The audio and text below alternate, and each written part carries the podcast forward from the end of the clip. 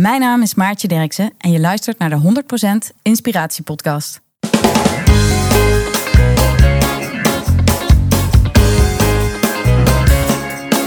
Hey, wat goed dat je luistert. Hij staat weer voor je klaar. Je wekelijkse dosis inspiratie is weer daar. De allerleukste gasten geven al hun kennis prijs. Met je veel te blije host, hij praat je bij. Zijn naam is Thijs. Thijs,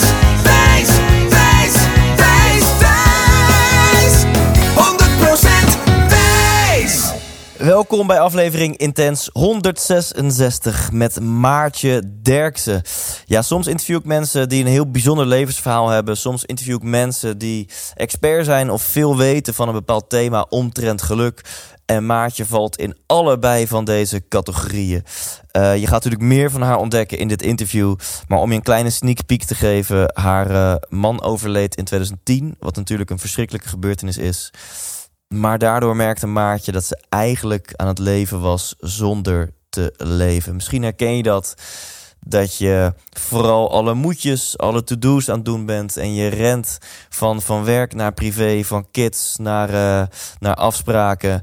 En ehm, ja, dit moet anders, vond ze. En ehm, dat heeft ze ook gedaan. Ze heeft het roer omgegooid en inmiddels is zij oprichter van Master in Happiness. En ja, geeft zij als het ware mensen een master in happiness via coaching, via workshops, via trainingen. En waar gaan we het dan over hebben in dit interview? We gaan het hebben over hoe je verantwoordelijkheid kunt nemen over jouw leven, jouw geluk. Een van de wijze uitspraken van Maartje komt ook voorbij. Het leven is makkelijker dan je denkt, maar moeilijker als je denkt. Nou, denk daar maar even over na. En Maartje geeft ook iets heel tofs weg op thijslindhout.nl slash Maartje. Maar daar ga je allemaal meer over ontdekken in dit interview. Hier is Maartje Derksen. 100% Thijs. Tegenover mij zit jouw achternaam is niet Master in Happiness. Want zo Nee. stond je in mijn agenda. Maartje Master in Happiness, maar je achternaam is Derksen. Klopt. En jij bent niet 50 lentes jong. Dat stond op mijn speakbriefje nog van de vorige gast. Jij bent 44 lentes jong en je ziet eruit als 34 lentes jong. Dank. Nou, Nou, hebben we wat, dat een alvast goeie- gehad? Ja. wat een heerlijke introductie, dankjewel. En ehm Maartje, wat wil je worden als je later groot bent? De grootste geluksgoeroe van de wereld. En hoe gaat het tot nu toe? Heel goed. Ik voel mezelf het gelukkigste mens op aarde, dus dan ben ik al een heel eind, Ja? wat mij betreft. En ik mag als werk ehm, andere mensen datzelfde leren, om hetzelfde te doen. Dus ik vind dat ik al heel goed op weg ben. Hey, en hoe zie jij geluksgoeroe? Hoe zie je dat voor je? Nou, het is echt, echt wel leuk, want het is de eerste keer van mijn leven dat ik dat antwoord heb gegeven. Ja. Dus ik vind het eigenlijk wel een leuk antwoord Je van staat er mezelf. zelf ook van te kijken? Ja, ja, Ja? dus ehm, eerst dacht ik, eh, nee, ehm, dit is wel leuk. En hoe dat eruit ziet, ehm, mensen door zichzelf te laten zijn, ehm, hun grootste succes en hun grootste geluk laten vinden. En eh, dat zoveel mogelijk mensen over de hele wereld leren. Dat Ja. ziet, zo ziet het eruit. En wat, wat brengt jou dat? Wat maakt dat jij denkt, van, want als je geluksgoeroe bent, dan wil je zelf ook gelukkig zijn. Wat maakt dat het jou dan extra gelukkig maakt om zoveel mogelijk andere mensen te inspireren om ook gelukkig te worden? Verbinding is in mijn leven super belangrijk. En ik hou, van, hou er enorm van om te verbinden met mensen. Dus als ik dan zie dat mensen aangaan op hun eigen kern, op hun eigen ik. Oh man, dat, daar, daar word ik heel gelukkig van. Dus Ja. dan word ik ook weer gelukkiger. Kan je dat omschrijven? Aangaan op hun eigen ik. Ja. Dus er de, de vliegen nu koffiekopjes door de ruimte van wat, wat, wat bedoelt ze hiermee? ja. Ja, Oh, mag ik dat zeggen? ja, ja, Ja. je mag, je, je mag vak zeggen en eh, alle scheldwoorden die hier opkomen. Ja. Wat, hoe de- weet je wel, eens als iemand praat over zijn passie of over zijn geluk, over, over iets, wat heel, ja, iets wat intern heel goed bij hem of haar past, dan zie je zo die lichtjes kling aangaan. En dat noem ik, het, iemand gaat erop aan, noem ik dat. En dan, ehm, dan, dan, dan heb ik altijd het gevoel, dit is, dit, is, dit is echt wie ze zijn. En dit is waar ze voor gaan. En ik geloof er heel erg in dat als jij doet, bent, gelooft, alles, alles kiest vanuit wie jij werkelijk bent, dat dan geluk een natuurlijk bijeffect is. En dat, dat zie ik dan al een beetje ontstaan. Als mensen dan aangaan, denk ik, ja, ja, ja, meer van dat in jouw leven. En dus wat je al zegt, is geluk is het eindresultaat, maar niet het middel. Zeg maar. Het middel Ja. is kies voor 100% jezelf. En dan kan het gevolg zijn. Hè, dus Precies. eh, geluk is het gevolg, dat bedoel ik Ja, ik eigenlijk zeggen. zeggen, geen Dat- resultaat. Nee, Ja. dan Ja, het, kan ook- het gevolg zijn dat je gelukkig Ja. bent. Ja, want ik geloof niet zo in bestemmingen. Dus eindresultaat, die eh, kwam bij mij niet zo binnen. Ja. En eh, gevolg wel. Het is een soort van natuurlijk gevolg. Als jij, je- dat geloof ik heel sterk, dat als jij doet wat, waar, waar jij het, ja, wat bij jou past, waar jij het goed op doet, waar jij, wie jij in basis bent, dat dan eh geluk een gewoon heel Ja. natuurlijk bijeffect is. En mag ik daar een paar irritante vragen ja, over stellen? top. Want ik snap dat dit geldt voor veel mensen, zeker in deze westerse maatschappij, waarin we gewoon de basisvoorzieningen allemaal hebben. Klopt. Maar stel als je op dit moment in het ziekenhuis ligt met beperkte kans op overleven, whatever. Klopt. En dan zegt Maartje van hé, hey, maar als je gewoon 100% voor jezelf kiest, dan is gelukkig, eh, gelukkig zijn vaak een gevolg. En die persoon denkt ja. Wat, Flikker op, ja. Flikker op met jezelf. Eh, Hoe kan ik in deze vertaal dat eens naar mijn situatie dan? Helemaal eens. Ik, eh, ik zeg, eh, maak ook altijd verschil tussen leven en overleven. Ik denk dus, dat is mijn overtuiging, dat wij als mens zijn geprogrammeerd om te overleven. Dus in derde wereldlanden of vroeger toen er nog een sabeltandtijger rondliep, Ja. was angst heel nuttig. Want als we ons lieten leiden door angst, dan gingen we meer, hadden we meer kans op overleven. En overleven was geluk Ja. in die tijd. Als je overleeft, een dag eh, gered hebt, je hebt een paar bessen geplukt of je hebt een, een vis ge- gehoekt en je hebt die sabeltandtijger eh, weg weten te houden, dan eh, was die dag gelukt. Ja. Dus, en als je in het ziekenhuis ligt, is de dag gelukt als je ook overleefd hebt. Als je weer een dag verder komt. Alleen wij in de ma- westerse maatschappij hebben gewoon helemaal niks meer nodig om te overleven. Dus ik denk, dus ik maak verschil tussen overleven Ja. en leven. En in het geval van leven, wat wij geluksvogels superveel mogen doen, dan denk ik dat je die hele overlevingsstrategie en dat helemaal hard werken eh, en je laten leiden door angst, dat, dat je dan niet meer dient. Dus ik geloof er heel erg in. Oké, heb jij het ultieme geluk dat je ehm, niet in een overlevenssituatie zit en wel in een levenssituatie, dan zou ik Ja. zeggen, dan heb jij Ja. dus een switch te Ja. maken in niet meer laten leiden door angst, laten leiden door vertrouwen, laten leiden door jouw kern, door jouw intern kompas, doen wat bij je past. Want je hebt toch al eten, drinken, een dak boven je hoofd. En ehm, Ja. Ik vind het een briljant antwoord. Ik heb zelf best wel lang in mijn rol als, als inspirator daarmee geworsteld. Dat ik dacht, ja, ben ik weer zo'n lul die op het podium zegt... doe dit en dat en zus en zo. Eh, en dan is de kans groot dat je wat lekker in je vel zit... of wat Ja. meer geluk ervaart. En dan is mijn brein supergoed om allemaal casussen te schetsen... van mensen, bijvoorbeeld terminaal zieke... mensen die, die eh, in een scheiding liggen of whatever, weet je wel...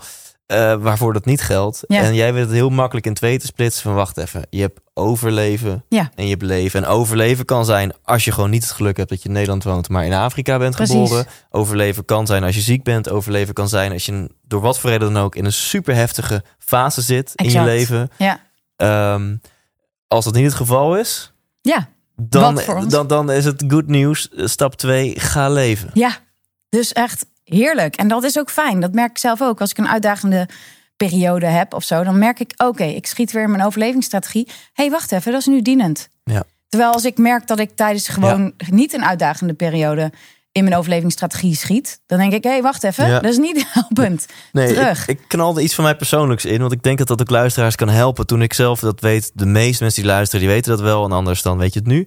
Ik heb eh, in de zomer van 2017 een burn-out gehad. En dat is eigenlijk een soort van understatement. Want het ging gewoon helemaal shit. Mijn bedrijf ging bijna failliet. En mijn, relatie, eh, dat, dat, dat eindigde. En ik zat in een burn-out. Dus ehm, dat, dat was natuurlijk een hele moeilijke tijd. En die periode, omdat ik, net als jij, zoveel weet van het onderwerp geluk werkte dat allemaal niet meer. Nee. Dus al die dingen die ik had geleerd, of het nu is doelen stellen, of een koude douche, of gezond eten, of veel sporten, of het denken aan je tijd met de juiste mensen besteden. Dat werkte voor geen flikker. En ik was toen super verward van. Ja. Het, het, het, is één grote hoax. Al die Ja. tips die werken niet. Ja. Terwijl, wacht even. En dat is volgens mij, zei een vriend van mij dat toen tegen mij van... Hey Thijs, je zit nu in een fase waarin je gewoon eventjes van een 4 naar een 6 moet. Ja. Je moet eventjes weer zeg maar op, op de rit komen. Precies. En Ja. jij bent, wil nu dingen toe gaan passen die jouw leven van een 7 een 10 kunnen maken. Exact, ja. Dat zijn nu even de wetten die niet werken. Ja, ja, dan mag je gewoon heel erg blij zijn met de dingen die je doet om überhaupt te overleven. Ja, nou en dan nu de vraag, hè, voordat je zegt... Thijs, bedankt voor deze irrelevante anekdote. Wat is nu je vraag? nou, komt die Maartje. Eh, de vraag is, laten we ons eerst even richten op deze groep mensen. Want helaas is die groep er ook gewoon. Dus een Ja. hele grote groep. En sterker nog, ik denk dat we allemaal wel eens een fase in ons leven hebben... dat je tot die groep behoort. Zeker. Wat voor tips heb je voor die mensen die nog in de fase... om wat voor reden dan ook, overleven zitten? Heel lief zijn voor jezelf. Jezelf toestaan dat je je zo kut voelt. En het kut voelen niet... eh, ehm, ehm, eh, geen identiteit maken. Dus gewoon je realiseren van oké, al probably, eh, probably I'll survive. Hè? Ik ga het waarschijnlijk wel overleven. En dat is het doel. Ja. Dus oké leren zijn met je niet oké voelen. Zo van als je gaat oordelen over het Ja. feit dat je kut voelt... dan ga je kut voelen over het feit dat je kut voelt. Exact. En bovendien wordt dat dan je identiteit. Ja. En je wil helemaal niet dat je gevoelens, ja, is leuk dat je gevoelens hebt en gedachten. Ik, in mijn optiek heb je die en een lijf Ja. en ben je die niet. Dus als je dat een beetje los kan koppelen van oké, mijn lijf is nu ziek of mijn hoofd eh, werkt nu even niet mee zoals ik het wil. Of ehm, ik voel me gewoon even kut. Nou, laat dat gewoon toe. En op een gegeven moment wordt dat ook, ehm, dat is wel, wel weer 800 800 stappen vooruit. Ehm, als je dat namelijk daar een betere, beetje wat meer pro in wordt, dan kun je je heel kut voelen en nog steeds gelukkig zijn. Ja, eh, daar ga ik zo nog wat vragen over stellen, uiteraard. Eén stapje terug. Je zegt stap 1 is, eh, wees er oké mee. Ja, dus- en ben lief voor jezelf. Gun jezelf ook dagen, Ja. maanden, een jaar. En, en, en voelen. wat kan helpen om lief te zijn voor jezelf en er oké mee te zijn, is de gedachte van: hé, hey, ik ben niet mijn gedachte. Ik Ja. ben niet wat mijn lijf nu is. Maar Ja. dit, is- dit, dit is ik even ben niet mijn gevoel, precies. Dus dat kan helpen. Maar alsnog de, de grote vraag, weet je wel, doe eens accepteren. Ja, het is een werkwoord, maar eigenlijk is het geen. Dat, je kan niet. Oh, nu ga ik het Nee, accepteren. Dus alleen kan wel- je het concreter Ja. maken? Nou ja, hoe je mind dus wel werkt, alles wat je vaak hoort, wordt waar. Ja. Of eigenlijk, een gedachte is een gedachte. En die hebben we nou, tegen de 100.000 per dag. En alle gedachten die je vaak hoort, wordt een overtuiging. Ja. En voor alles wat je vaak zegt. Dus elke keer dat je zegt, ik accepteer dit, is dan niet in één keer, oh, ik, heb, ik, eh, ik accepteer het en het is weg. Wat er dan wel gebeurt, is dat je elke keer dat je jezelf hoort er ruzie mee hebben in je hoofd, want dat is het, hè? Ja, fuck, ik kan het wel lekker accepteren, maar eh, flikker maar op, want ik geloof het toch niet. Ja. Dan heb je die gedachte. Als je daar tegenover zegt, oh ja, ik ik ben best wel bereid om dit wel eens te gaan accepteren, leg je ook weer een gewichtje op de schaal van op, op de weegschaal van de kant die je gaat helpen. Elke keer als je denkt, het fuck, dit helpt niet, leg je een gewichtje op de weegschaal aan de kant die je niet gaat helpen. En dus kun je gewoon actief, elke keer als je bewust wordt van, ah ja, Ja. ik voel me nu zo, ik hoef dit niet, daar niet mee in strijd te zijn. Ik kan daar iets, eh, ik kan besluiten dat ik dit ooit ga accepteren. En daar help je jezelf van mee. Ja. En dus resultaat, resultaat eh, vrij blijven, de vorm loslaten. Ja. Dus niet meteen van, oh, dus dan moet ik het nu geaccepteerd hebben. Nee, alleen deze actie was al top. Nu ben ik al beter Super. voor mezelf aan het zorgen. Ja, ik, ik hou wel van zo'n metafoor met, met een weegschaal. Eh, Je zou ook kunnen zeggen, ja, elke gedachte is een aansterking van een neurologische verbinding. Ja, Als je tien keer op een dag denkt, ik ben shit, of wat kut dat ik me kut voel, wordt dat versterkt. Ja. Als je tien keer op een dag denkt, het is helemaal oké dat ik me kut voel. Ja. En ik ben eigenlijk alleen maar liefde. Je hoeft niet te geloven, maar je zegt, Precies. als je dat maar vaak genoeg doet, Ja. dan, dan, dan zal na een tijdje op de lange termijn wordt vanzelf jouw mindset wat positiever. Ja, en wordt ga dat je wat meer waar voor jou. Ja. En alles wat meer waar wordt, wordt ook jouw werkelijkheid. Zo leuk is ons brein. Ja. Als wij geloven dat blauw blauw is, dan als, als, ik maar vaak, als wij maar vaak genoeg tegen elkaar zeggen, jij hebt rode ogen. Als we dat ons hele leven blijven zeggen, wordt dat de waarheid. Ja. Niet omdat het waar is. Dus zo simpel werkt ons brein. Dus hoe simpel ons brein werkt, gebruik je dan in je voordeel. En als we dit super concreet maken naar mensen die op dit moment er doorheen zitten, zou jouw advies dan bijvoorbeeld zijn tegen deze mensen: ga eens elke avond vijf minuten schrijven met, I don't know, waar je dankbaar voor bent, of hoe je je voelt, of, of dat je oké bent. Of, eh, dus kan je hem nog concreter maken voor mensen die nu echt even in het dal zitten en behoefte hebben aan beter? Ehm, eh, ik zou niet elke avond gaan schrijven, dan wordt het weer een opdracht. En dan wordt het een soort van automatisme. Als je het, eh, het schrijven zou ik één keer per week doen. En één keer per week denk ik, oké, heb ik ergens een lichtpuntje gehad deze week? En die schrijf ik voor mezelf op. En daar ga ik eens even heel veel aandacht aan geven. Ja. Dat. En ik zou op momenten dat die mensen die zich helemaal doorheen zitten, iedereen heeft ook momenten dat het even weer wat lichter voelt. Dus dan zit je weer, wat mij betreft, meer in waar ga ik op aan Ja. systeem. Ja. En waar ga ik op aan? Dat is dus in mijn eh, waarheid jouw kern. Ja. Dus wie jij werkelijk bent. Als je die momenten hebt, ehm, waar wil ik heen? De, de, de- Eh, of, je elke avond moet schrijven. En toen zei je van nee, dan wordt het een Oh moedje. als je op die momenten zit, ehm, dat je bedenkt: hé, hey, waar word ik blij van? Ik, eh, ik ben een enorme fan van gelukslijstjes maken. Dus als je even niet in dat down, down, down zit. En even zo'n momentje hebt dat je denkt: ja, ik, ik zit wat frisser, wat lichter. Pak dan even een boekje of je telefoon en maak dan wat aantekeningen van dingen waar jij blij van wordt. Kunnen simpele dingen zijn, kunnen mensen zijn waar je energie van krijgt. Kunnen, kan een wandeling zijn, kan sporten zijn, kan yoga, kan eh, chillen op je bank, kan eh, weet ik veel. Maakt niet uit wat. Alle dingen waar je blij van wordt. En schrijf die dan op en maak, op, eh, maak vaker op dat soort momenten een gelukslijstje.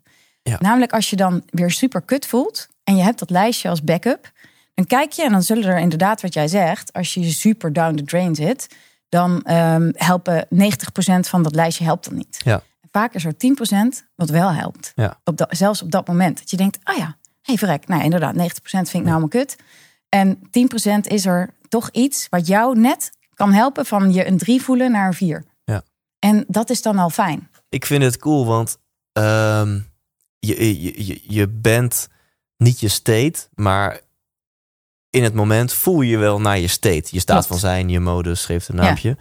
En als ik even niet lekker in mijn vel zit en je vraagt aan mij: hey, heb je het naar je zin in, je, in het leven? Ja, nee. Weet je wel, ik ben nu gewoon moe.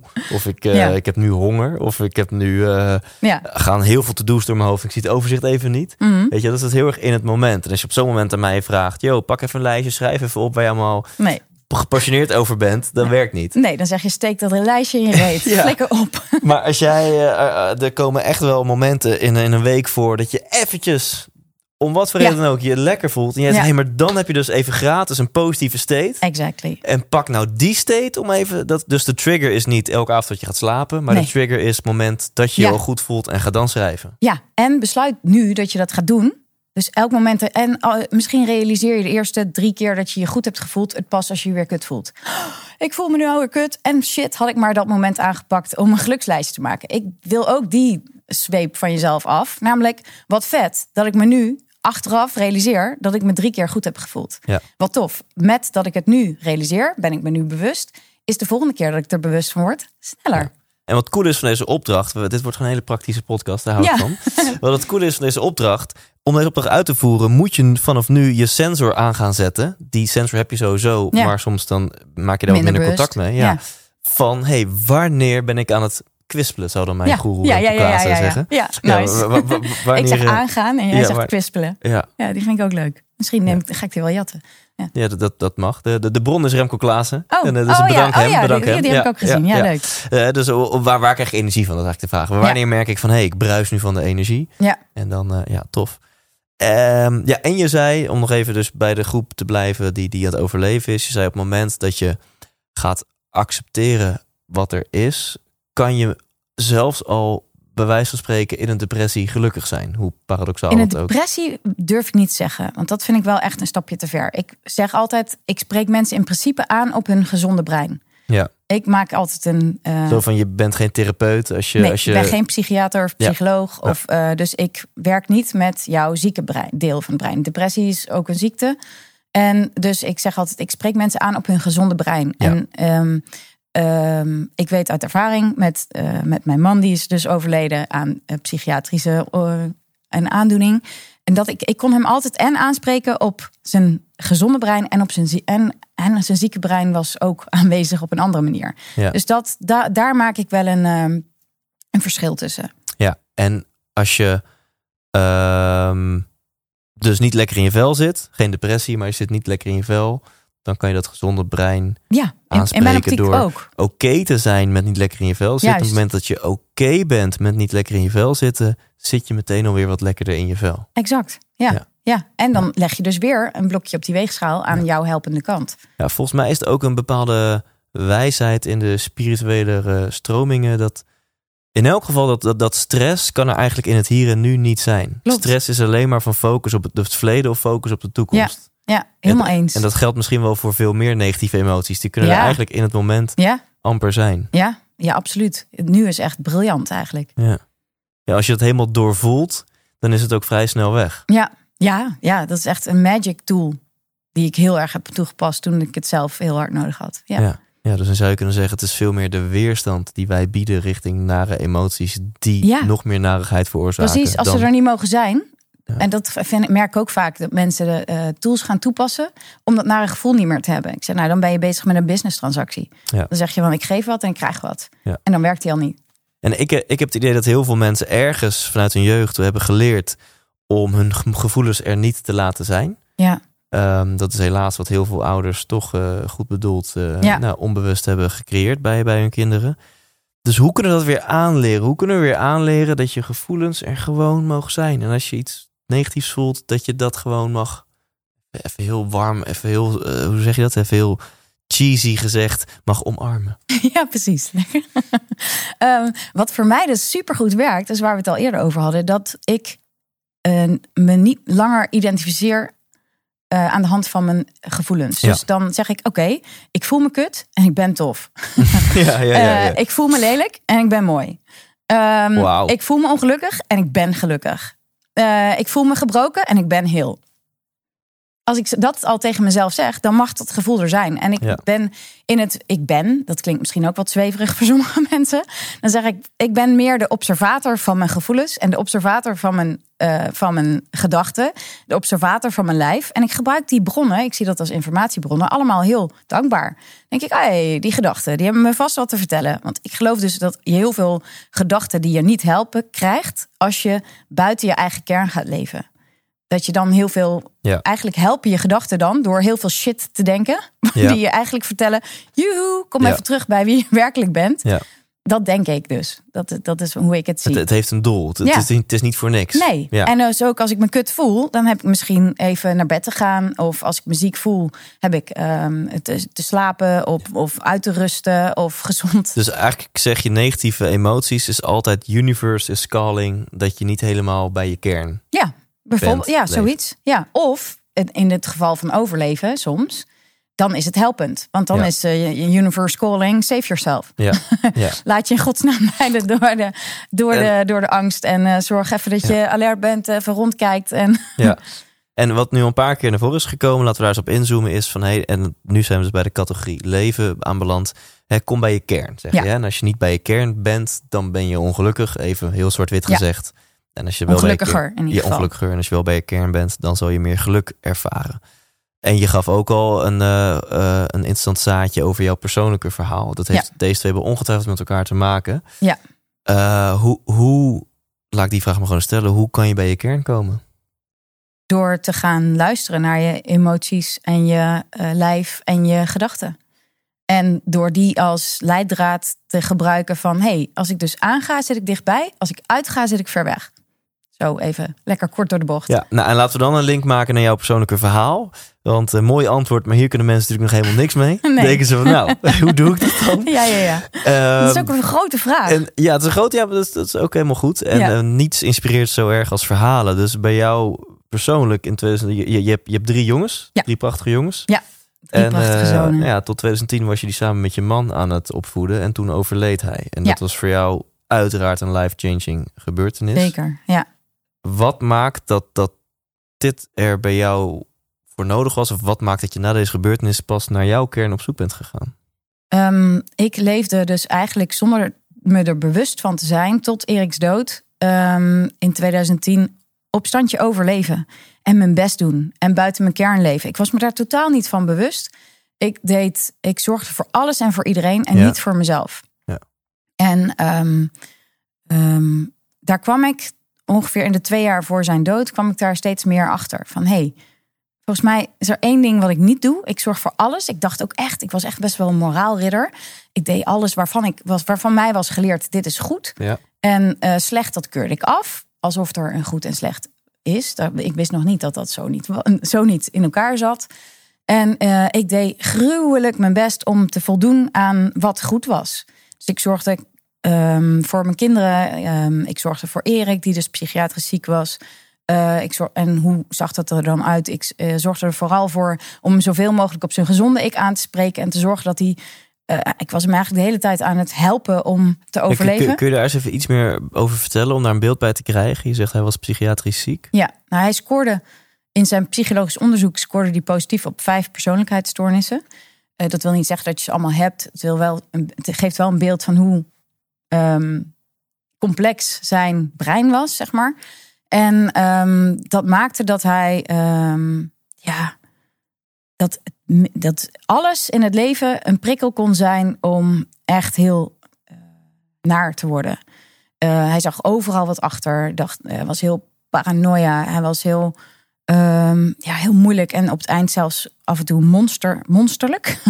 een vreselijke, manipulatieve, gemene, gemeen monster die overal wat achter zag. En eh, zich super onveilig voelde eigenlijk. En de hele dag stemmetjes in zijn hoofd had.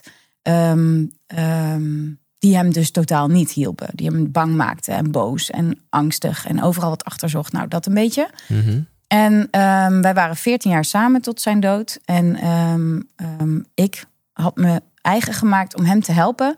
Om die stemmetjes minder te geloven en om aan te spreken op wie die werkelijk was. Om te zorgen dat hij weer een beetje ruimte kreeg om zichzelf te zijn. Nou, dat was eigenlijk mijn groot, dat was eigenlijk mijn grootste fulltime baan. Om Erik in goede banen te leiden. Ja. En daarnaast was ik nog, nou wel 60 uur in de week verloskundige ongeveer. Dag en nacht aan het werk. En daarnaast heb ik eh, drie zonen ja, want het, opvo- opvoeden dat moest mo- mogelijk ook vooral van jouw hand komen. Nou, eigenlijk, ik werkte fulltime omdat hij niet fulltime kon werken met zijn. ehm, ehm, ja, door, door zijn ziekte had hij zijn opleiding niet afgemaakt. Dat lukte allemaal niet. Alles was een beetje moeilijk in zijn leven. En, ehm, en dus hij was twee dagen in de week aan het werk en de rest thuis. En de rest zorgde ik voor de boys. Alleen de dagen dat ik werkte, deed hij nog bijna fulltime een beroep op mij. En ik was verloskundige, dus ik kon de hele tijd op en neer rijden. Tussen Zo. tussen kraamvisites en bevallingen en dingen in. Dus als ik ook maar enigszins kon, dan was ik overal bij.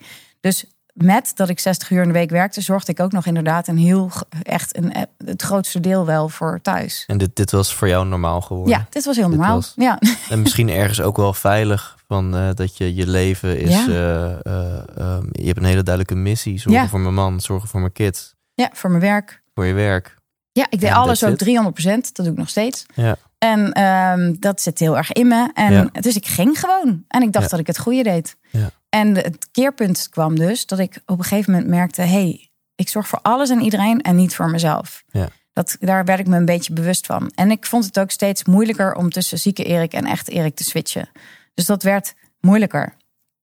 En ehm, daarmee gleed ik ook een beetje af. Ik, ik was gewoon uitgeput. Ik leefde eigenlijk, denk ik, al zeker vanaf de zwangerschap van de tweede. Die is geboren in 2003. Dus in 2000, vanaf 2002 leefde ik, denk ik, met een chronische burn-out. Ja. Dat ik eh, eigenlijk al hartstikke burn-out was en maar doorging. En eh, met dat ik me dus een beetje ging voelen, op het moment dat ik realiseerde dat ik niet voor mezelf zorgde, toen ging ik een beetje voelen.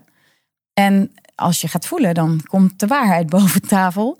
Ehm, eh, dus toen dacht ik, hey, dit, dit, eh, ja, het ging eigenlijk alleen maar slechter. Ik werd echt, ik voelde me echt, ik voelde mezelf bijna ook eh, alsof ik een een of andere vreselijke enge ziekte had. Want ik, alles deed pijn, Ja. alles kostte moeite en ik ben nog heel lang doorgegaan.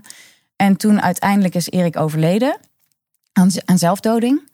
En, ehm, en dat was eigenlijk omdat hij zag, hey, jij bent eigenlijk ook zo ver aan het aftakelen. Jij kan niet meer staan. En hij realiseerde zich al vrij snel, als jij omvalt, dan, dan houdt het voor mij helemaal op. Want hij zei van, jij bent degene die dit hier allemaal trekt eigenlijk. En ehm, Wauw. Ehm, dus eigenlijk ook uit liefde voor ons, voor mij en de jongens, zei hij: Ik kan kiezen wie er doodgaat, jij of ik.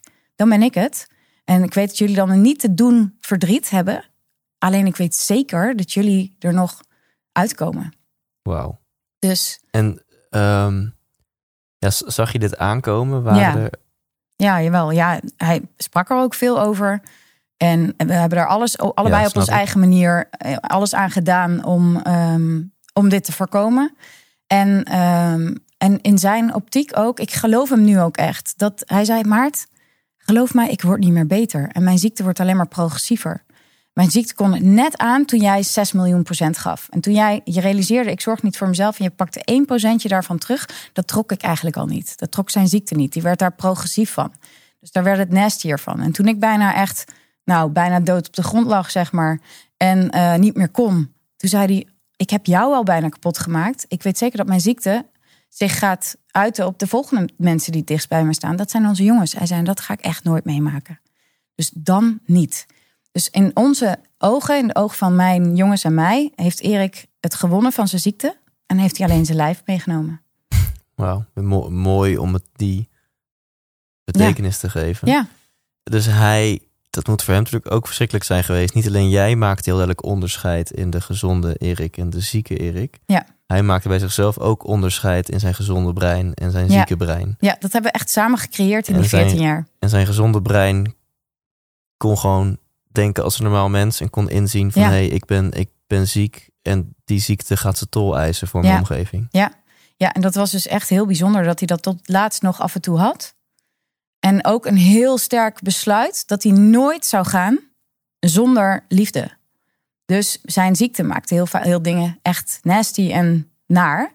Alleen ehm, hij zou nooit, ik wist ook, hij zou nooit gaan op het moment dat, dat er veel gedoe was of zo. Ja. Dus juist na een super fijne, mooie, close, hele liefdevolle week is hij overleden. En toen Zo. sprak hij, hij sprak een eh, afscheidsfilmpje in. En ehm, op ehm, en met zo- zo'n selfie, of ja, hij- nou, toen had je nog geen selfie ding, maar hij deed gewoon Ja. omgekeerde camera. Ja. En daarin zei hij ook, Maart, ehm, zorg dat het niet voor niks is. Word onwijs gelukkig. En hij zei, je bent al lang een goede moeder, daar, daar heb ik helemaal geen twijfel over. Dat doe je allemaal al goed. Ga maar eens voor jezelf zorgen. En toen, dat heb ik stiekem op de wc zitten kijken. Mijn eh, beste vriendinnetje was erbij die avond dat we zaten te wachten. Dat we, dacht, dat we dacht, het vermoeden hadden dat het zover was. En mijn vader was, eh, was, was bij mij en de jongens lagen te slapen. En ik had eindelijk dat filmpje gevonden. Dus ik zat dat stiekem te kijken in mijn eentje op de, op de wc. En ik zat dat te kijken en toen zei ik dood tegen dat beeld van... Ja, ja, dat ga. Ik ga zorgen dat het niet voor niks is, schat. Ik ga dit doen. En ik heb dus echt op die dag besloten... Ik ga voor mezelf zorgen. Maar, maar even, hoe fucking heftig is het om dat filmpje te zien? Ja, en ja, het was net alsof hij me bij de hand pakte. En zijn ziekte was altijd in my face, zeg ik altijd. En alsof op het moment dat hij is overleden, achter me is gaan staan. Als een soort van, eh, eigenlijk een beetje Titanic gevoel.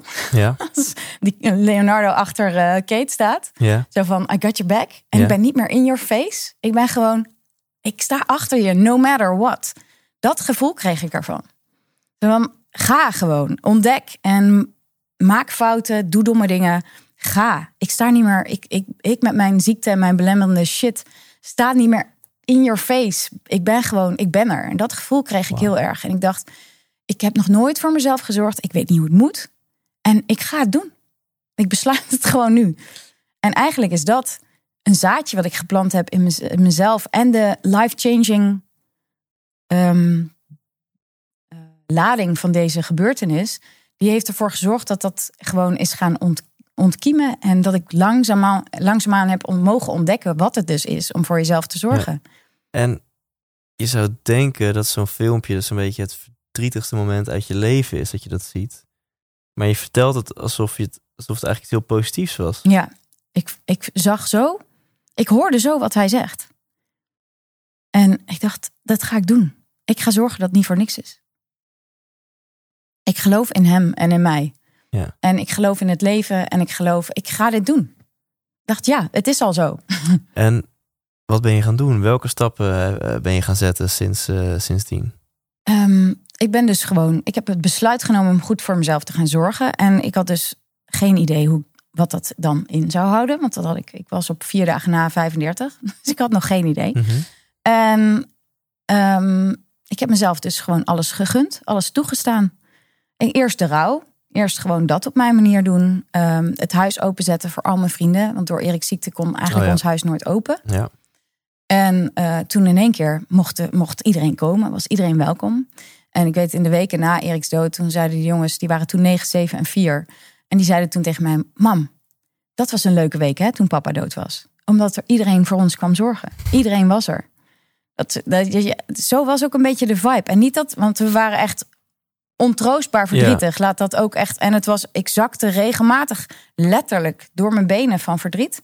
En dat ik dacht, ik kan dit niet. Dit is, dit is te groot. Dit kan ik niet. En dan zeiden mensen weer, Maart, als iemand het kan, dan ben jij het. Jij bent zo positief, jij kan dit. En jij staat er. En jij met je jongens, komt goed. En dan krabbelde ik weer op. Dus ik heb me laten dragen. Ik heb hulp toegestaan. Ik heb me door me hoeven laten zakken.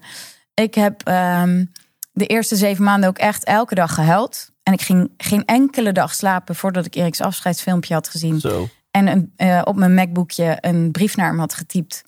Van hoe die dag was geweest. Dat was heel lang mijn houvast. Dat heb ik mezelf gewoon gegund, allemaal. En op een gegeven moment, ja, ehm, was de ergste, de, de- die heftigheid van de rouw weg. En ehm, toen ben ik eigenlijk vooral gaan feesten. Toen ben ik gaan ontdekken dat ik heel erg dol ben op festivals. Ik wa- En dit verhaal kreeg een onverwachte wending. Dus ik zit de tranen uit mijn ogen te vegen hier. Eh, wow. Ja, Ja. ja. Het is. ehm, een gegeven moment dacht ik, ja, laat ik eens ontdekken. Ik ben gaan ontdekken. En eh, nou, daar hoorde heel erg bij dat ik gewoon 24/7, 365 voor drie kinderen en een huishouden in mijn eentje zorgde. Ook, ik heb ook meteen mijn verloskundige praktijk verkocht, mijn aandeel. Mhm. Dat dacht ik ook, dat ga ik ook niet meer doen. Ja. Dat lijkt me geen goede combi met goed Ja. voor jezelf zorgen, voor drie kinderen zorgen. Ik heb mezelf op nummer één gezet. Dat is het vooral. En ehm, dus ik, ja, mezelf alles gunnen, ontdekken, gaan. Voor alles een tijd. En ehm, ja, en wat ik zei, op een gegeven moment ontdekte ik het hoe leuk ik het vind om te dansen. En naar festivals te gaan en gek te doen, op de tafels te dansen. Eh, gewoon een beetje eigenzinnig, gek, eh, eigenwijs. En, en, en wat betekende voor jou mezelf op één zetten? Hè? Dus wat, waren de stemmetjes in je hoofd ineens anders? Dat je ineens bij alles jezelf de vraag stelde van... ja, maar wat wil ik? Eh, snap je? Kun, Mhm. kun je er iets, iets over zeggen... waardoor het misschien voor mensen ook, ook over te nemen is? Wat, wat Ja. is jezelf op één zetten? Ehm, niks meer moeten. Het moeten exiten. Want elke keer, ik moet eigenlijk mijn huis schoonmaken. Ik heb ook echt wel in, voor mijn gevoel, een beetje een viezig huis geleefd. Af en toe, ja, dan moet ik, doe ik het maar niet. Het is nog zo echt wel schoon, maar niet smetloos. Eh, en toen dacht ik, ja, dan maak ik maar geen bedden op. Ehm, dan eh, eet ik maar een keer pizza in plaats van een gezonde maaltijd. Ehm, natuurlijk moet je nog steeds dingen. Je moet je rekeningen betalen. Je moet je kids opvoeden, et cetera. Mhm. Alleen die rekening wel eens te laat betalen, deed ik toen ook. Dan bij een, die kreeg toch nog een eerste aanmaning of een tweede. Eh, als ik geen zin had in die stapel administratie, dan deed ik hem net zo laat totdat ik hem echt wilde gaan doen. Ja. Nou, hetzelfde met inderdaad. Normaal was ik altijd van, oh, je moet het echt eh, netjes hebben. En nou, oké, daar ligt heel veel stof en er ligt nog meer stof en er liggen een paar kruimels bij. Ah, fuck it, oké, ik ga het nu wel even doen. Veel meer intrinsiek gemotiveerd. En ik heb mijn extrinsiek, extra, eh, hoe noem je dat? Ja, extrinsiek. Extrinsiek ook, ja. En motivatie was ehm, minder belangrijk of zo. Ik ben beter gaan luisteren naar wat wil ik eigenlijk. Ja, wel een beetje wat wil ik, alleen niet heel bewust. Dus, voor jou, je was natuurlijk zo gek van zoveel dingen moeten. Omdat je gewoon Ja. eh, jarenlang alleen Ja. maar had geleefd vanuit moeten. Ja. Dat, dat in jouw geval moest je daar gewoon van af om, om bij jezelf te komen. Ja. Om bij jouw kern te komen. Ja, en ehm, het feit dat ik mezelf, dat ik de praktijk verkocht had en dat ik dus tijd heb gecreëerd voor mezelf. Ja. En eh, waarin dus veel minder moet. Ja. En, eh, en ik was ook echt herstellende. Ik was echt, ik heb echt vanaf 2002 met- tot 2010 met een burn-out geleefd. Ja. Dus ik was kapot. En ehm, eh, dat heeft echt wel zes jaar geduurd dat ik nog regelmatig overdag sliep. Om überhaupt Ja. ehm, op een enigszins normaal belastbaar energielevel te komen. Alleen ervaarde ik dat nu niet zo. Dat, er, dat realiseer ik me nu achteraf pas. Dan denk ik, oh ja, voor mij ontstond er zoveel vrijheid. Ik was weduwe en moeder van drie kinderen. En ik heb me nog nooit zo vrij gevoeld als na een maand of acht, negen, tien. Ja. Toen dacht ik, ja, dit is de meeste vrijheid die ik ooit heb gehad. ja, en wat je net zei vond ik ook fascinerend. En dat beantwoordt eigenlijk een eerdere vraag, soort van, die ik stelde. Je zei, in eerste instantie toen ik meer ging voelen, deed het alleen maar meer pijn. Ja. Hè, dus, dus dat is denk ik een reden dat heel veel mensen niet zo goed voelen. ja. Omdat ergens is dat systeem ontstaan van wacht eventjes. Als ik eh, voel, dan doet het alleen maar pijn. Dus kan ik maar beter minder voelen. Ja, Maar goed, dan ga je never nooit die sensor gevoeliger maken. En ga je never nooit bij je Nee. kern komen. nee, precies. Dan blijf je in dat overlevingsstrategie. En in, in mijn optiek is dus je overlevingsstrategie je hele aanpassing aan alles wat invloed in jouw leven heeft gehad. Dus je, wat je geleerd is door je ouders, door je, eh, door je door school, door je door maatschappij. De hele, dus dan ben je in aanpassingsmodus. Ja. En eh, dan doe je wat goed is of slecht is, wat hoort, wat niet hoort. En dan ehm, leef je dus sneller, is de kans veel groter als je dat doet. Het zijn allemaal externe informatiebronnen, zeg maar. Dan leef je sneller buiten je kern. En terwijl binnen je kern alles te voelen is. Ja. En, ehm, en ik heb ehm, inderdaad. Nou, sorry, ik ben weer. Het- over dat, dat voelen alleen maar. Want je zei Ja, van ja. hey, je hebt ook overdag geslapen en zo. Je hebt acht jaar eigenlijk in een burn-out gezeten, eh, eh, consequent. Dus dat je toen je weer meer bent gaan voelen, ben je ook wat pijn gaan voelen. Ja, ja, eerst al die pijn toestaan. En dat slapen toestaan. Alles wat het nodig, alles wat er voor nodig was, of alles wat er op mijn pad kwam, gewoon maar doen. Een beetje een overgave. Meebewegen. Dat is eigenlijk ook waar je in welke, dat is wel een leuke tool. Dat, die werkt namelijk en in het geval van overleven en in het geval van leven. En ik denk dat ik dat toen ben gaan doen. Meebewegen. Een soort van downstream gaan. eh, met de stroom mee. Ja. Meebewegen met wat het leven je brengt. Meebewegen met wat je voelt, wat je, wat je ehm, denkt. Met wat, weet ik, een beetje meebewegen en een beetje gaan, meer gaan opletten. Van wat vind ik hier eigenlijk van? En Ja. wat wil ik? En openstaan voor een hele hoop dingen, dat ook. Dat heeft ook eh, geholpen. Dat ik gewoon me door een hele hoop mensen liet uitnodigen voor andere manier van denken of andere manier van praten of de andere dingen doen of weet ik veel wat. Ik, liet, ik was heel beïnvloedbaar ergens Ehm, en ontzettend flexibel en overal voor in. Waardoor ik ook wel eh, het gevoel heb gehad van, oh, nou, dat was misschien wel buiten mijn kern of buiten mijn lijntje. Alleen daardoor heb ik wel mijn eigen kern meer ontdekt. Juist door jezelf toe te staan om van alles te doen, Ja. daar vind je de informatie. Hey, oh nee, nee, hier ligt voor mijn grens. Of hey, oh ja, dit vind ik tof. Ja. Die had ik nog nooit gezien. Dat een beetje. En je zei net tijdens ons voorgesprek ook kort van... ik geloof erin dat geluk ontstaat als je, als je in flow bent. Eh, eh, Ja. Je noemde ook, eh, dat, dat voelt als je jouw tuintje... of je moet minder je best doen. Ja. Eh, nu denkt de luisteraar, oké, Thijs gooit er drie random termen in. Kan je, kan je daar dan eens wat over vertellen? Hoe je dus om bij je kern te komen, moet je meer in flow zijn? Moet je minder je best doen zelfs? Wat bedoel je daarmee? Nou, Ik ben wel een beetje anti het woord moeten. Dus ik zeg, mag je, meer, mag je meer, minder je best doen? En Ja. eh, dan kom je vanzelf meer in flow. Ik geloof dus heel erg dat als je je eigen kern leeft... Ik noem je kern eigenlijk een tuintje. Ik gebruik die metafoor altijd. Ik geloof heel erg dat de kern zit ergens tussen je hals en je bekken. Ja, Want je voelt niet voor niks vlinders in je buik en een steen in je maag en kloppend hart. En Ja. alles voel je in je buik. En ik geloof dat dat je tuintje is. En dat iedereen unieke tuinaarde heeft. En dat we heel erg vaak geneigd zijn om de planten die onze ouders en onze eh, school, de school en onze omgeving in ons tuintje zetten, om daar heel erg met ons best voor te doen. Eh, alleen als jij een appelboom zet in een tuin die geschikt is voor een palmboom, dan zal die niet zo goed eh, bloeien. Dus, ehm, en dat is wat ik mijn hele leven heb gedaan. Ik leefde eigenlijk alles wat er in mijn tuin was gezet door anderen. Daar ging ik gruwelijk hard mijn best voor doen. En eh, dat is dus buiten mijn kernleven. Dan leef ik de kern en de waarheden en de, de belangrijke dingen van anderen. Mhm. En, ehm, en ehm, op het moment dat je steeds meer denkt: hé, hey, dit doet het eigenlijk heel goed in mijn tuin. ehm, dan daarvoor zorgen. En de rest, wat, waar jij het eigenlijk niet zo goed op doet, eh, als onkruid verwijderen. Want wat voor het een is mooie bloem is, is voor de ander Ja. onkruid. Ja. Zelf bepalen wat, jou, wat, wat er in jouw tuintje mag. Eh, En hoe leidt minder je best doen dan tot meer jouw tuintje leven? Omdat ik er dus heel erg in geloof dat als jij. Nou ja, het voorbeeld van de appelboom of de eh, palmboom.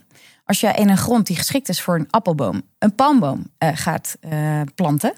Daar zul je gruwelijk hard je best voor moeten doen om, die ook maar, om daar nog een zielig palmboompje van te maken. Dus dan ben je keihard aan het werk. En Het heb je nog, het, is steeds. nog, het is nog een shitty boom ook. Ja, het is ook nog een shitty boom. Dus dan word je ook dan. En wat, welk gevoel krijg je dan over jezelf en over je leven? Oh nee, ik ben niet gelukt. Eh, want zie je wel, overal staan mooie palmbomen of wat. Ja, ik weet. Ja, Ja. Eh, maar behalve in deze. Ja. Terwijl als jij daar hop je appelboom neerzet, die gaat vanzelf. Want in eh, grond geschikt voor een appelboom. Daar regent het vaak genoeg. Ja. Daar heb je de seizoenen. Ja. Daar heb je het juiste klimaat. Dus eigenlijk als jij je eigen tuintje leeft, je eigen kern leeft, dan is vanzelf daar, als jij daar trouw aan bent, het juiste klimaat, de juiste grond, de juiste hoeveelheid regen, de juiste hoeveelheid zon, waardoor dat ding hartstikke vanzelf groeit. Waardoor je dus gewoon een hele productieve appelboom hebt die vanzelf gaat. En dat geloof ik dus echt. Als jij doet wat in jouw tuin, als jij leeft vanuit jouw tuintje, vanuit jouw kern, dat jij dus dan dat het dan meer vanzelf gaat. Dus Ja. ik voel het vanzelf gaan als een uitnodiging van ja, dan zit ik op het goede pad. Terwijl als ik heel hard mijn best doe, dan denk ik, hé, dan zou het wel eens kunnen zijn dat ik heel hard werk Ja. voor iets wat niet Ja, past. dus als het, als het werk als werk voelt, als het leven zwaar voelt, als je Exact. van hé, hey, dat, dat is niet normaal. Ja. Het kan ook allemaal. En relaties eh, en werk en ja, ik, ik interviewde een keer Andy Harrington en toen eh, zei hij ehm, selection beats training. Of dat ging over, ik exact. zei iets over mijn relatie. En hij zei, nou, als, het, als je relatie consequent hard werken is, dan probeer je dus te trainen. Probeer de relatie Ja. of de ander aan. Ja, Hij zegt, misschien heb je dan niet de juiste gekozen. ja. Oud. Ja, die kwam Ja, binnen. die kwam. Selection beats training. Dus, dus deze kan bij de luisteraar ook binnenkomen. Als je relatie consequent werken is, Precies. dat is niet normaal. Nee, Het bestaat ook dat het nou, helemaal vanzelf zou ik niet durven zeggen, maar het bestaat ook dat het makkelijker gaat. eigenlijk eh, grotendeels vanzelf. En inderdaad, ik geloof niks in alles en niets. Hè? Dus het is niet van, oh, hard werken mag nooit. Ik ben Mhm. ook, ik vind hard werken leuk als het maar niet tegen de tegen draads, voelt, als het niet uitputtend voelt. En Ja. je mag best effort stoppen in je relatie. En alleen eh, niet ehm, eh, all the time. Inderdaad, het overgrote gedeelte. Ik geloof heel erg in 80-20 en 70-30 in alles in je leven. En eh, dus 80% flow en 20% mag je best wel je best doen. Ja. Zoiets. Nu had ik een eh, briljante vraag die nu bij mij. eh, Dat is besmettelijk, mijn kwijtraken dingen. Ja, ehm, ja, nee, dit is hem. Daar komt hij. Want weet je, is een beetje de vraag der vragen van mensen die met persoonlijke ontwikkeling aan de slag gaan. En dat is vaak ook de reden dat je mee aan de slag gaat. Is van, ja, maar hoe vind ik nou mijn passie? Weet je, hoe vind ik het? Dus, dus dit zijn niet de mensen die overleven, de mensen die absoluut leven. Misschien heb je wel, een- ben je senior consultant bij KPMG of whatever, weet je wel. Oh, Siri gaat ineens af. Oh, ik denk van, nou, die gaat KPMG, even meelullen. Ehm, dus dus je, je leven is prima, misschien best wel oké. Maar je voelt, dit is, dit, is, dit is niet mijn diepere yes-gevoel. Dit Nee. is, weet je wel... En, en ik, ik lees al boeken en ik luister al naar die fucking podcast, weet je. Maar hoe, hoe kom ik er nou achter wat dan mijn kern is, waar ik echt gelukkig van word? Nou, bij mij een masterclassje komen doen. ja. nee, nee. Nou, doe je masterclasses. Doe je masterclasses. Dat ben ik eigenlijk al heel erg ja, aan het doen. precies. Nee, dus, dus ehm, hoe nee, helpt deze was, mensen? Ik vond hem te leuk om niet in ja, te nee, koppen. ja, zo is uh, Ehm, ongegeneerde promo. Dat is ja. eh, deze podcast ook gewoon voor. Ja. Nou, wat leuk. Ehm, hoe vind je dat? Eigenlijk door hetzelfde als wat we zeiden als tool eh, voor mensen die even niet zo lekker zitten. ja? Op momenten dat jij aangaat, dus dat jij je gaat kwispelen, ehm, eh, dat realiseren. Je besluiten van daar ga ik me eens even op focussen. Daar ga ik me wat bewuster van zijn. Want daar zit, zit dan maak je, wat in mijn optiek dus, hoe ik eh, over die dingen denk, maak je contact met je eigen tuintje, met je kern. En daar zit jouw waarheid. Ja. En hoe meer, hoe beter jij die leert kennen, en dan komt vanzelf jouw passie er wel uit. En tegelijkertijd zou ik niet, ik ben ook niet zo van het doelen stellen, want dan is het alsof je een bestemming moet halen. En ik geloof dat er maar één bestemming is in het leven, dat is de dood. En daar wil ik nog lang niet zijn. Dus ik geloof veel meer in het leven. Dus Oké, en ook in het nu, dat zeiden we ook al. Uh, Je kunt heel ongelukkig worden als je nu zegt: Ik heb mijn passie nog niet. Nou, je hebt jezelf, dus je hebt je passie al bij je. En uh, als je je realiseert dat je, um, dat je wellicht nog best wel veel van tuintjes van anderen leeft, ga dan jezelf uh, het cadeau geven door op te letten. Ja. Waar ga ik van aan en wat kost me moeite? Dat Ja. is allebei Ja. informatie. De moeite wil je minder van in je leven en de aan wil je meer van in je leven. Dus elk, elk moment is informatie. Van, oh ja, daar wil ik meer van. Oh ja, daar wil ik meer, minder van. Dus het begint al bij focus. Weet je, zet nu je focus aan. ja. Op, Ja. Of, of maak je sensor gevoeliger. hoe je het- Bewust, ja. Ja, word bewust. Nou, mooi, mooi woord. Word bewuster van dingen die energie kosten. Als iets energie kost, is het per definitie iemands anders tuintje. Of iemands anders. Ik, eh, de, de kans, ik, zou, ik ben altijd wat genuanceerd. De kans is groot dat het, is. Ja, dat het een andermans tuintje is. Ja. Het kan ook wel eens even moeizaam voelen, omdat je buiten je comfortzone zit, wel binnen je kern. En eh, dat kan natuurlijk Ja, ook. nou ja, je triggert een interessante vraag en paradox. Want, want aan de ene kant zeg je, hè, het, het mag allemaal wat moeitelozer. Het mag Ja. allemaal wat meer vanzelf gaan. Eh, terwijl ik zie ook een hele interessante correlatie tussen hoe vaak je uit je comfortzone Eens. gaat en hoe succesvol je bent. En bedoel ik met name succesvol in het vinden van je eigen geluk. Ja, eens. Ik, eh, ik denk dat ik bovengemiddeld gelukkig ben. En ik ben absoluut bovengemiddeld vaak uit mijn comfortzone gegaan. Ik, vind, ik ook. Ik ook. En daarmee ook wel eens op mijn bek gegaan. Ik gun mezelf dus alles. En ehm, buiten je comfortzone voelt niet altijd meteen fijn. En ehm, buiten je comfortzone is, niet, is misschien wel niet vanzelf. Alleen het is ook niet heel erg je best doen. Het is gewoon moedig zijn. En moedig, eh, dat vind ik. Ja, dus ja. Sorry, ik vind verder. buiten je comfortzone is moedig. Is ontdekken. Is gewoon gaan. Fuck it. Eh, dat, dat voel ik meer. En niet van, oh moeilijk, mijn best doen, mijn best doen. Ik moet zo mijn best doen om uit mijn comfortzone te gaan. Ja, dus, dus probeer onderscheid te maken tussen dit, dit, dit voelt zwaar. Ja, Omdat het, als ik het afpel, indirect moet van andere mensen. Of wat Ja. ik denk dat anderen. Of voelt dit zwaar. Ja, de, de, of is het gewoon een stukje moed wat ik moet tonen om juist bij mijn kern te komen? exact. Ja, of nou ja, om te ontdekken waar überhaupt die kern is. Want eh, als je heel vaak buiten je comfortzone gaat, zul jij misschien ook wel herkennen. De ene keer past het en de andere keer niet. Toch? Ja, niet ja, alles buiten je Ja, comfortzone is een positief... je weg naar de top. Ja, ja, toch? ja, absoluut. En alleen dat al, dat, de, die moed om gewoon ook dingen te doen die achteraf niet bij je passen. Daarmee word je ook namelijk een veel milder, leuker mens naar anderen. Als anderen eh, dingen doen die achteraf niet zo handig waren of totaal niet bij ze pasten, denk je, ja, ja. Ja. Je hebt wat geleer- geleerd, Ja, precies, prima ja. toch? Laten we die mythe de wereld uithelpen. De mensen, namelijk dat, dat, dat succes een rechte lijn is. Ja, nee, echt, ja, absoluut De niet. mensen die het meest succesvol zijn, hebben het meest gefaald van ieder fucking één. Ja, Omdat door te doen word je Ja. succesvoller. En door te doen ga je ook gewoon op je bek. exact, eens. Nou, punt. Ja, laten we, laten we naar de afronding gaan. Uiteindelijk is Master in Happiness, heeft het levenslicht gezien. Ja. Drie jaar geleden. Wat is Master in Happiness?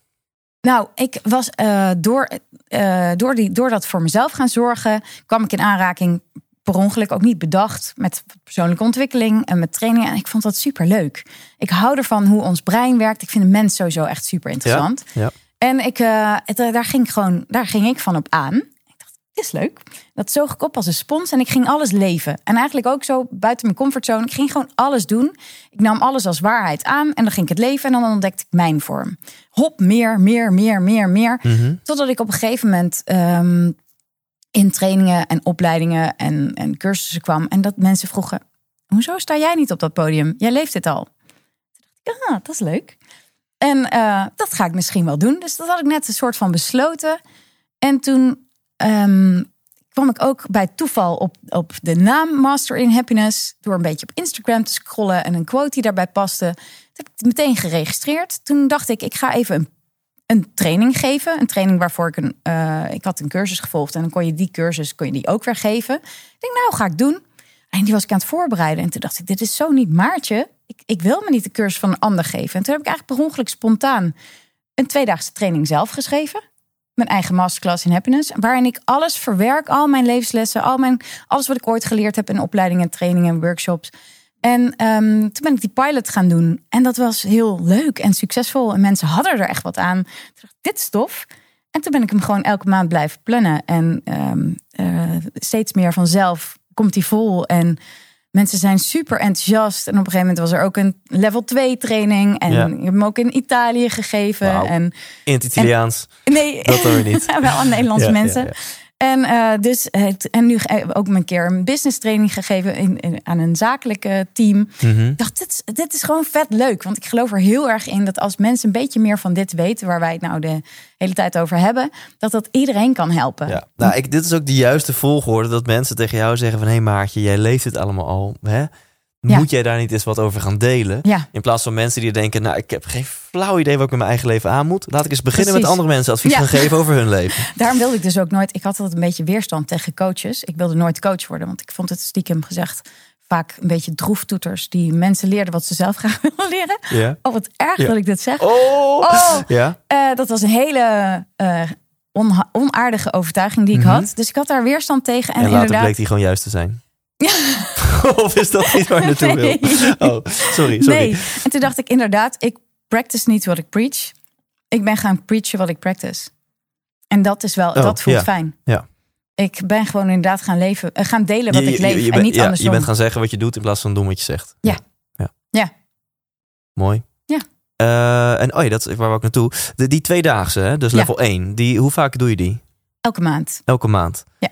En eh, ik ga je nu gewoon eh onder spot zetten. Eh, kunnen we daar een, een plekje voor, één of twee plekjes voor verloten onder mijn luisteraars? Oh, wat een goed idee. Dat is goed. Twee? Eén. Eén? Eén. Ja, oké, we verloten één plekje. Nou, ik ga er nog over nadenken. Ja, een van mijn vragen is risico's Anderhalf. nemen of op anderhalf. Ja. Nee, in elk geval één. En misschien hoor je in de outro twee als ik je nog heb kunnen overtuigen. Ja, ja, ja, want het is wel een flinke, een flinke giveaway. Want zo'n plekje kost Ehm, voor een particuliere plek, plek 499 euro euro voor de twee voor dagen. tweedaagse. Ja. Ja, En als je niet particulier bent, 699 ex BTW.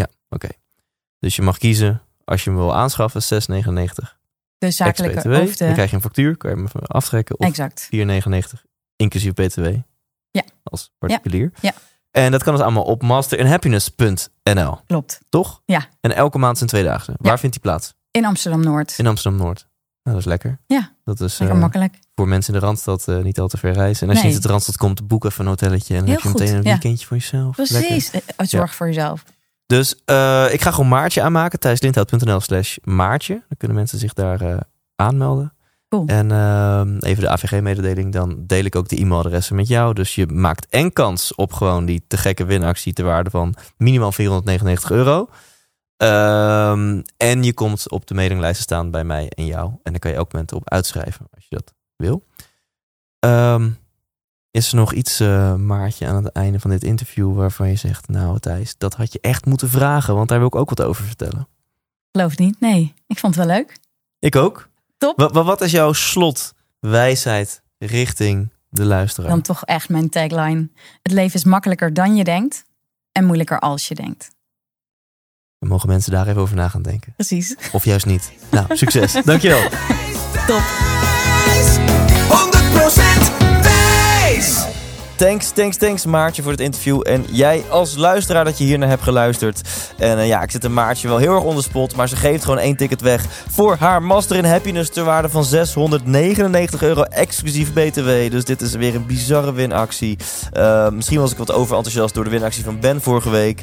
En dit is natuurlijk ook weer waanzinnig. 699 euro ex-BTW kost haar Master in Happiness gewoon te bestellen. Tickets te reserveren via masterinhappiness.nl of te winnen via thijslindhout.nl slash maartje. Dan gaan we gewoon één iemand gelukkig maken met een plekje in de Master in Happiness. En wil je in contact blijven met, eh, met mij, dan kan dat via...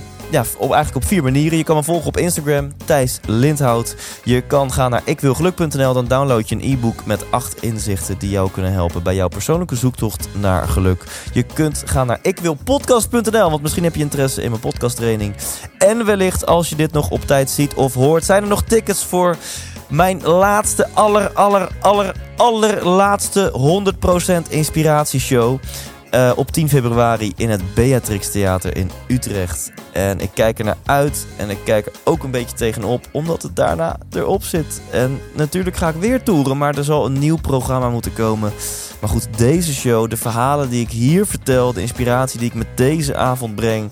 Ja, daar heb ik gewoon 31 jaar over gedaan. Daar ben ik al vijf jaar mee aan try-outen en nu inmiddels drie keer mee aan toeren. En ooit moet de laatste zijn. En dat is op 10 februari eh, 2020 in het Beatrix Theater in Utrecht. By far de grootste show die ik ooit heb gedaan. Er zijn 1500 plekken. En eh, terwijl ik het inspreek zijn al meer dan 1000 plekken vergeven. Ehm, dus we gaan hem eh, waarschijnlijk uitverkopen. En ik zou het heel bijzonder vinden als je erbij bent. Het is in elk geval je laatste kans. Dit is geen marketingtruc. Dit is wat het is. Ik moet er een keer mee ophouden en met een nieuwe show gaan komen. Dus dit is echt de allerlaatste 100% inspiratieshow. En eh, nou, als je het tof vindt, eh, bestel gewoon je tickets op thijslindhout.nl. En dan word je doorverwezen naar de site van Stage Entertainment. Hè, de site van het Beatrix Theater. En dan kun je daar je tickets bestellen. Dus ik hoop je daar te gaan zien. En eh, anders eh, blijf gewoon deze podcast checken. Want volgende week, zoals je gewend bent, staat er weer een nieuwe aflevering voor je klaar. Tot dan en leef intens.